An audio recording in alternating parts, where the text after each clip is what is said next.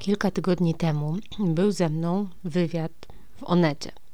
Zresztą y, część z Was trafiła do mnie y, po tym wywiadzie, y, tak przynajmniej myślę. I w razie czego zalinkuję Wam wywiad jeszcze raz w opisie odcinka. Mm, to był wywiad o pracy pilotki, o romansach w pracy pilotki, o stereotypach na temat turystów i chociaż starałam się mówić o moich turystach z empatią, to jednak wiem, że część osób mogła poczuć jakiś taki zgrzyt, mogła uznać niektóre teksty za taką typową śpiewkę, w której narzeka się na Polaków i troszkę się z nich kpi, troszkę się z nich podśmiewa i trochę się patrzy na nich z góry. Przepraszam. Nie takie były moje intencje. Y, ale y, też jak mnie słuchacie i jeśli słuchacie wyznań pilotki, y, to wiecie, co ludzie potrafią odjebać za granicą. I skarpet do sandałów to w ogóle jakby nie jest temat, bo to nikomu nie szkodzi i tak naprawdę nikogo nie krzywdzi. Skarpety do sandałów nie wchodzą w czyjąś prywatność, na przykład nie zaglądają pilotce pod sukienkę nie występują jako główna gwiazda na festiwalu Żenady, co najwyżej jako jakiś support. I oczywiście mm, też miejcie świadomość, że opowiadam trochę z przymrużeniem oka, yy, co nie znaczy, że te historie nie są prawdziwe, bo są, ale czuję, że nie powiedziałam wszystkiego i że. Mm, Mogłam może trochę inaczej odpowiedzieć na niektóre pytania, albo mogłam rozbudować jakiś wątek, ale oczywiście nie da się wszystkiego powiedzieć w godzinę. Ja tu do Was mówię od miesięcy już i y, powiedziałam e, w ogóle jakiś ułamek wszystkich historii pilotki i mogłabym pewnie długo różne rzeczy Wam opowiadać godzinami. Zresztą y, w ogóle mogłabym opowiadać godzinami, bo lubię mówić. I dzisiaj Wam powiem o tematach, o których nie powiedziałam w tym wywiadzie. E, I żeby nie było, mm, nie była to wina absolutnie Karoliny, która wywiad robiła. Po prostu, no nie da się w godzinę zamknąć wszystkich wątków. To jest niemożliwe. I pierwszy temat jest taki, że dostałam po tym wywiadzie pewną wiadomość, której nadawca napisał mi, że według niego poziom na takich zorganizowanych wycieczkach zawsze będzie taki sam, niezależnie od narodowości, bo na wycieczki z biurem podróży czy na all inclusive jeżdżą tacy sami ludzie. I teraz cytuję. Masa, płaskoziemcy, skarpety i banany w kieszeniach. 95% każdego społeczeństwa to masa. Koniec cytatu.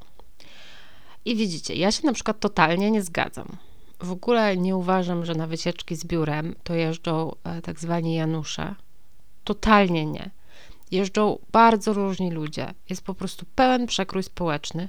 Od właścicieli firm po nauczycielki. Od dwudziestoparoletnich nowożeńców po emerytowanych rolników. Od instruktorek tańca po drobnych przedsiębiorców. Naprawdę full po prostu przekrój społeczny. Natomiast prawdą jest to, że statystycznie na każdej wycieczce zdarza się osoba albo kilka osób, które y, po prostu występują na festiwalu żenady, albo które na przykład są sknerami. I to nie ma nic wspólnego ani z typowym klientem biura podróży, ani z typowym Polakiem, w ogóle z jakąkolwiek narodowością. Po prostu jest tak, że jak macie grupę 50 osób różnych, których no, nie jednoczy ani tak naprawdę jakiś wspólny cel, ani specjalnie, e, nie wiem, wspólne zainteresowania, bo podróże to jest powiedzmy dosyć takie szerokie zainteresowanie, to wiadomo, że statystycznie będzie w tej grupie taki ktoś, kto na przykład kładzie stopy na siedzeniu obok, spóźnia się na zbiórki, oczekuje, że ktoś za niego będzie zamawiał kawę albo klepie pilotkę po plecach, e, mimo że ona sobie wcale nie życzy. I po prostu w każdym społeczeństwie znajdą się ludzie, którzy liczą pieniądze, nawet na wakacjach czasami dlatego, że muszą, a czasami, bo tak są nauczeni i po prostu szkoda im 2 euro na wodę i jakby niezależnie od tego, czy oni pojadą na wycieczkę, czy pójdą do restauracji, to po prostu e, no, e, będzie im szkoda wydać pieniędzy. albo będą po prostu tacy, którzy zadają głupie pytania, albo będą tacy, którzy właśnie oczekują, że będą po prostu obsługiwani, e, jakby e, po prostu byli na prywatnym wyjeździe z przewodnikiem. I to jakby w ogóle nie ma nic wspólnego z tym, że tacy czy tacy ludzie jeżdżą na wycieczki. Nie, po prostu ludzie są różni i jak weźmiecie sobie po prostu 50 przypadkowych osób, no to e, będzie wśród nich e, być może ktoś super oczytany, będzie wśród nich być może ktoś super uprzejmy, a będzie wśród nich może ktoś po prostu, kto jest niewychowany i nie ma tej kindersztuby i po prostu go nie nauczono mówić proszę, dziękuję, przepraszam. Tak po prostu jest. I e, chcę Wam powiedzieć, że bywały sytuacje, kiedy ktoś się zachowywał żenująco i cała grupa była zażenowana takim zachowaniem. I podobne historie mają nie tylko piloci i pilotki wycieczek, ale też e, idę o zakład, stewardesy, e, ludzie pracujący na statkach wycieczkowych, e, pracownice salonów ślubnych, no generalnie ludzie pracujący z ludźmi w obsłudze klienta. I mm, tutaj nie będę odkrywcza, jeśli powiem, że my lubimy słuchać o takich rzeczach i lubimy słuchać o czyichś wpadkach i żenującym zachowaniu, niż o tym, jak to się gdzieś tam ktoś wzorowo zachowuje. No dlaczego programy typu e, Big Brother i wszystkie inne reality show zrobiły taką karierę? Nie dlatego, że ludzie tam po prostu e, czytają e, książki i dyskutują na moralnie ważne tematy. Oczywiście, że nie dlatego. Po prostu tacy jesteśmy. E, dlatego karierę robią właśnie książki o tajemnicach z podłóżek bogatych Niemców, u których sprzątają Polki, e, czy historie e, turystów z informacji turystycznej w Zakopanem, którzy pytają, czy idąc na rysy trzeba mieć swoje łańcuchy i o której odjeżdża pierwsza kolejka na Giewont. Lubimy się po prostu śmiać z innych i lubimy się śmiać, kiedy ktoś czegoś nie wie albo zachowuje się trochę tak właśnie, że jest taki cringe. I yy, wiadomo, że ja wyciągam tutaj te barwne historie, które wywoływały emocje i także moje emocje. Ale chcę uroczyście oświadczyć, że na wycieczki jeżdżą też super ludzie i miałam też super ludzi na wycieczkach. Naprawdę takich po prostu fajnych ludzi, ciekawych świata, przyjacielskich, tolerancyjnych, zadowolonych z życia i bez kompleksów. Ale i tak uważam, że mamy jako Polacy pewien kompleks za granicą. Zwłaszcza ludzie w wieku na przykład moich rodziców, czy, czy gdzieś powiedzmy koło tak pięćdziesiątki. I to jest też zrozumiałe, bo jeśli ktoś nie wyjeżdżał, jak był e, tak po prostu dzieciakiem, nie zna języka, i e, jeszcze trafia na wycieczkę, która jeździ zdezewolowanym autokarem po Hiszpanii, no to jak ma się czuć? I mm, jakby uważam dzisiaj, że moi turyści w wielu sytuacjach mieli rację, kiedy mówili, że ten hotel to po prostu nie powinien być e, w tym programie, znaczy w, programie, w programie tej wycieczki, albo że Niemcom by tego autokaru nie dali. I tak, ja też uważam, że to skandal, w jakich hotelach czasami spaliśmy. I bywały sytuacje, że się grupa buntowała i raz mi się zbuntowała i powiedziała, że nie zostanie na noc w tym hotelu. No ale myślicie, że co ja mogłam zrobić? Że powiedziałam, oczywiście proszę Państwa, proszę się spakować, jedziemy gdzie indziej. Naprawdę, no przeniesienie do innego hotelu to jest w takiej sytuacji ekstremalnej, typu, że jest pożar, powódź albo no, jakaś inna taka gruba awaria, a nie dlatego, że hotel jest stary i mm, trochę śmierdzi papierosami. E, I myślicie, że jakby co usłyszałam od swojej szefowej, że, że, że oczywiście nam zaraz zmienią hotel i dopłacą? No nie, no usłyszałam, że mam jakoś załagodzić sytuację, ugłaskać ludzi, spacyfikować i może dostaną jakiś ekstras w stylu e, wino do kolacji. E, I właśnie dlatego jakby musicie zrozumieć, i tego też nie powiedziałam w wywiadzie dla Onetu, że dla biura jakby turysta po prostu no nie liczy się jako człowiek, który mm, ma potrzebę tutaj zwiedzania, e, chłonięcia wiedzy. To jest po prostu PAX, to jest po prostu źródło gotówki. I to jest klient, ale nie w rozumieniu klienta takiego Mm, że za wszelką cenę trzeba dążyć do tego, żeby był non-stop szczęśliwy, Oczywiście pilot powinien robić wszystko, żeby ludzie byli non-stop szczęśliwi i zadowoleni, ale biuro na tych ludziach ma przede wszystkim zarobić. I na tym polega masowa turystyka i jeżdżenie z biurem podróży. Nie tylko zresztą biuro podróży. No jak idziecie do banku, to wiadomo, że będą wam chcieli wcisnąć jeszcze taką lokatę i kartę kredytową i kredyt i coś tam. E, tak działa ten świat. E, Alleluja. E, no, w każdym razie to nie chodzi o to, żeby dawać ludziom wysublimowane wrażenia. Nie w masowej turystyce. I trochę jest tak, że jak idziecie do Biedrony albo do taniego baru z chińszczyzną, no to czy spodziewacie się tam cudownych doświadczeń? Niekoniecznie. I można powiedzieć, że oczywiście wszystko zależy ale prawda jest taka, że masowa turystyka, no to jest trochę taka biedra, trochę taka ukryta prawda w TVN-ie, trochę takie Carlo Rossi e, albo, e, no nie wiem, Sofia. E, może raczej już Carlo Rossi. I ludzie, którzy jadą na taki wyjazd, powinni mieć świadomość, że dostają pewną instant wersję zwiedzania jakiegoś kraju. I naprawdę my, piloci, robimy wszystko, żeby ludzie byli zadowoleni żeby wynieśli z tego wyjazdu coś, żeby się dobrze bawili, żeby się zrelaksowali, ale nie mamy też wpływu na wszystko. Nie mamy wpływu na to, w jakim hotelu się śpi, albo ile jest czasu na zwiedzanie konkretnego miejsca i że na przykład jest tylko 40 minut. I mm, przy tym wszystkim ludzie też naprawdę potrafią się zachowywać okropnie i powiedzieć pilotowi, że wymagają tego czy tamtego, bo płacą za naszą pracę. I to, czego nie powiedziałam jeszcze w wywiadzie dla Netu, to to, że masowa turystyka no nie ma zbyt wiele wspólnego z taką autentycznością miejsc. W ogóle turystyka nie ma z tym wiele wspólnego. No, na tym polega turystyka, że jest pewnym zjawiskiem masowym. I tak na przykład na Kubie. Ludzie jadą tam, żeby trochę obejrzeć biedę, podobnie jak w Indiach czy Kambodży. No i oglądają tę biedę, a potem jadą spać do hotelu i na Dominikanie, w Kenii, w wielu miejscach na świecie istnieją turystyczne getta i piękne hotele przy pięknych plażach, a za płot już nikt nie wychodzi, bo jest niebezpiecznie. I ludzie potem mówią, że nigdy więcej nie pojadą po prostu, bo są jakieś zaczepki, bo nie czują się bezpiecznie, bo każdy ich po prostu nagabuje e, o pieniądze i, i, i, i e, żeby coś kupić i tak dalej. I jadąc na Kubę, y, ludzie na przykład nie mają w ogóle poczucia, że wspierają reżim, a przecież śpią w państwowych hotelach, korzystają z usług państwowych biur podróży. Y, I zwykły Kubańczyk na takiej wycieczce no niewiele zarabia. I nie wiem, czy w ogóle w mniej zamożnych krajach istnieje coś takiego jak etyczna turystyka, która faktycznie wspiera lokalnych mieszkańców, która nie niszczy środowiska i która przynosi ze sobą coś dobrego.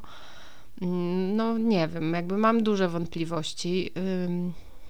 Można na pewno podróżować bardziej w taki sposób zrównoważony, żeby właśnie kasa, którą wydajemy, trafiała faktycznie do kieszeni y, konkretnego człowieka, że można zrobić coś dobrego po drodze. Nie wiem, na przykład w Iranie można się zapisać na wolontariat ratowania żółwi. Mm, ale generalnie dzisiaj jestem zdania, że turystyka jest dla większości miejsc na świecie szkodliwa, bo sprzyja takim zjawiskom jak seks turystyka, jak tworzenie się właśnie takich get turystycznych, podziały społeczne, zanieczyszczenie środowiska, e, betonowanie ziemi pod budowę hoteli.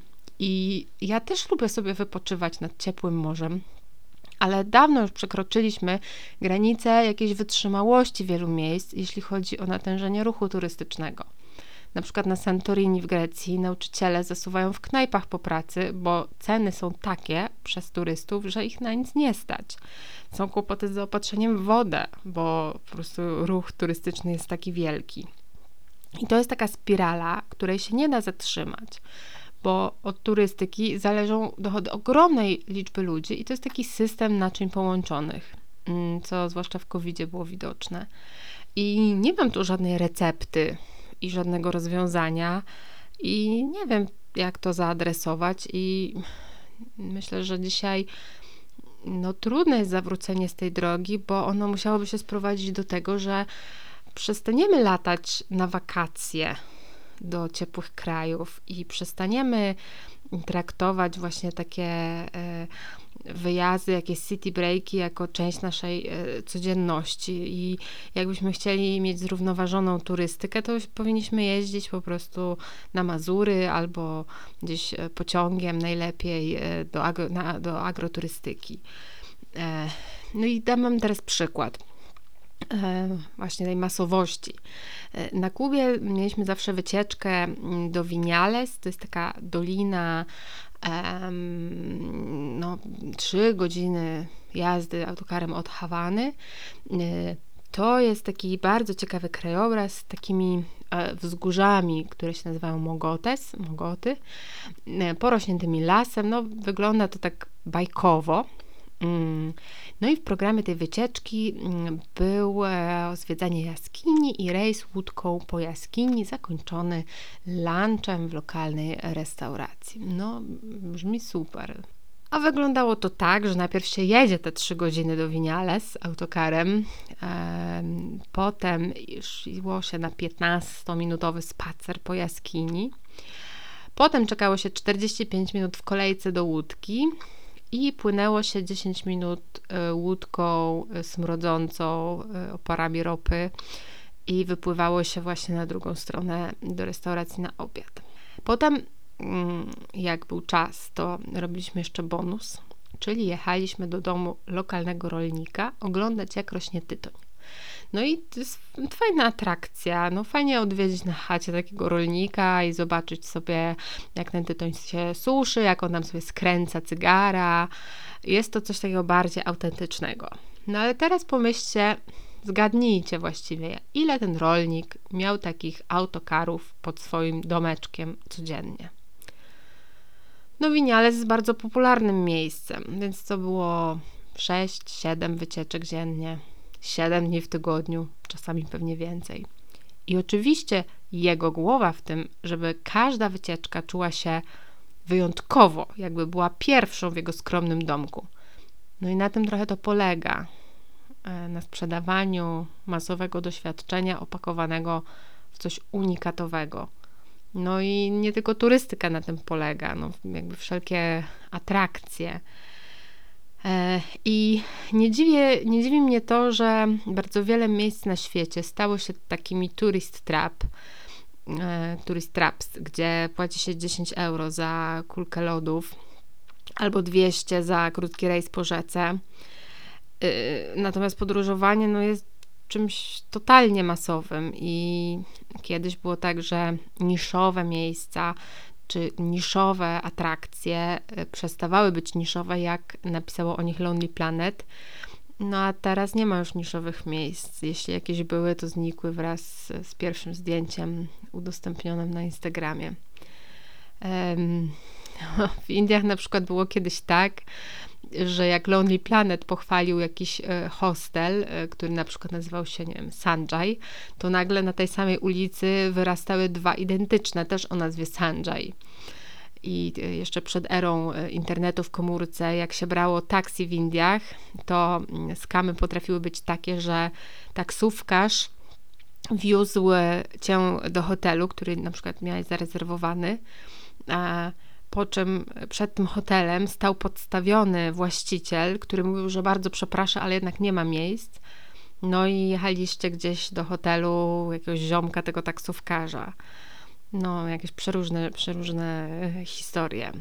E, ale wracając, chodzi o to, że jeśli ma się świadomość bycia turystą, to jest ok, ale wiele osób, mm, mam wrażenie, że nie ma tej świadomości i y, po prostu będzie się zachowywać y, tak, jakby właśnie występowało na festiwalu żenady i skarżyć się, że na wczasach w Tunezji ani razu nie podano wieprzowiny na kolację, albo będzie pisać reklamację, że w okresie żałoby po Fidelu Castro na Kubie nie było animacji w hotelu i wiało nudą. Dwa autentyki, y, naprawdę.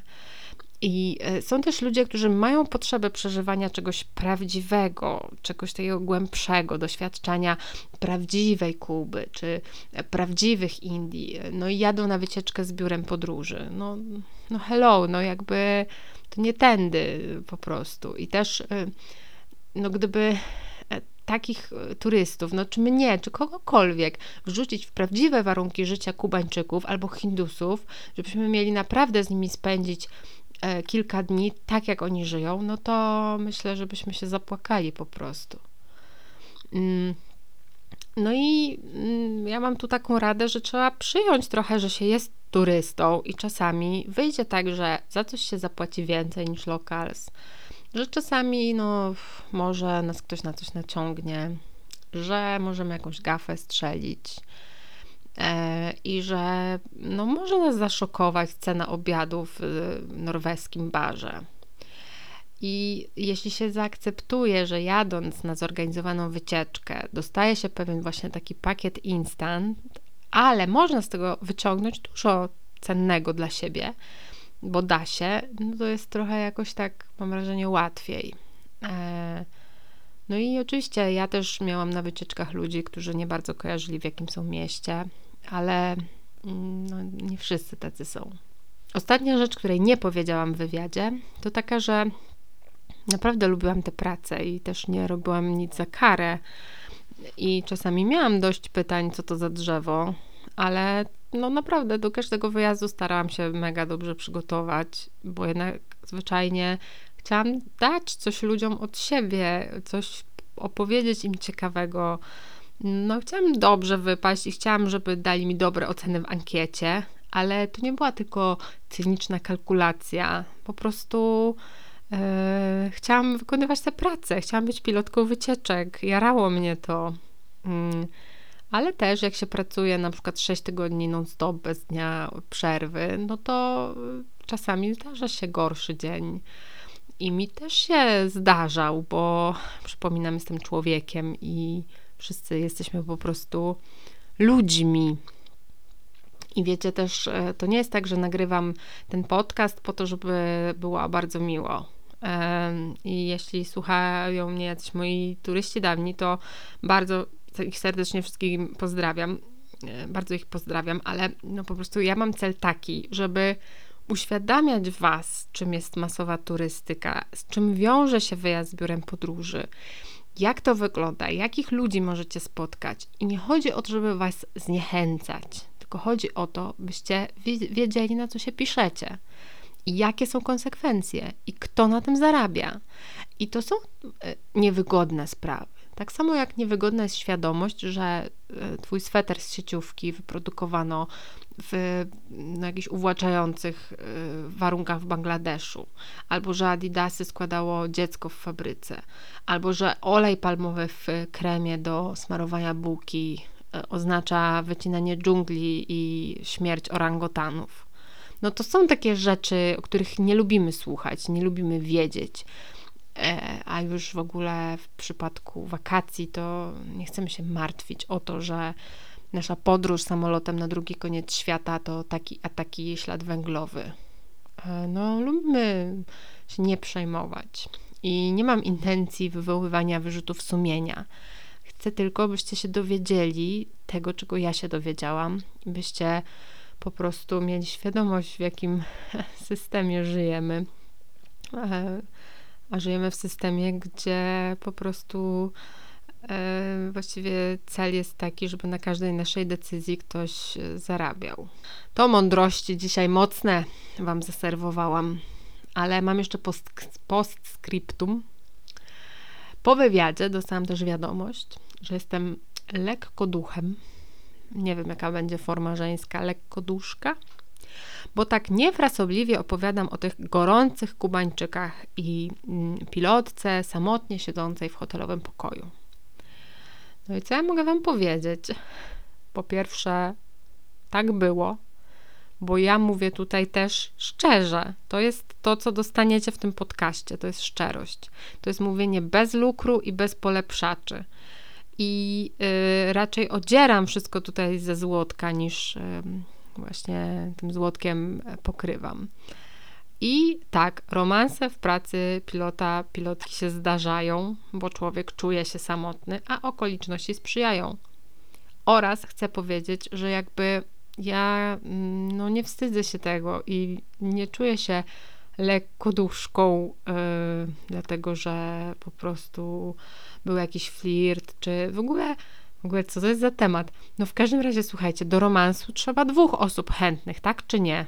I to nie jest tak, że dałam się omotać, czy wykorzystać, czy może odwrotnie, ja kogoś wykorzystałam. No jeśli dwie osoby chcą spędzić ze sobą trochę czasu, to jest ich sprawa. I ja w ogóle nie jestem niczym sumieniem, żeby cokolwiek tutaj mówić i osądzać, czy to jest ok, czy to nie jest ok.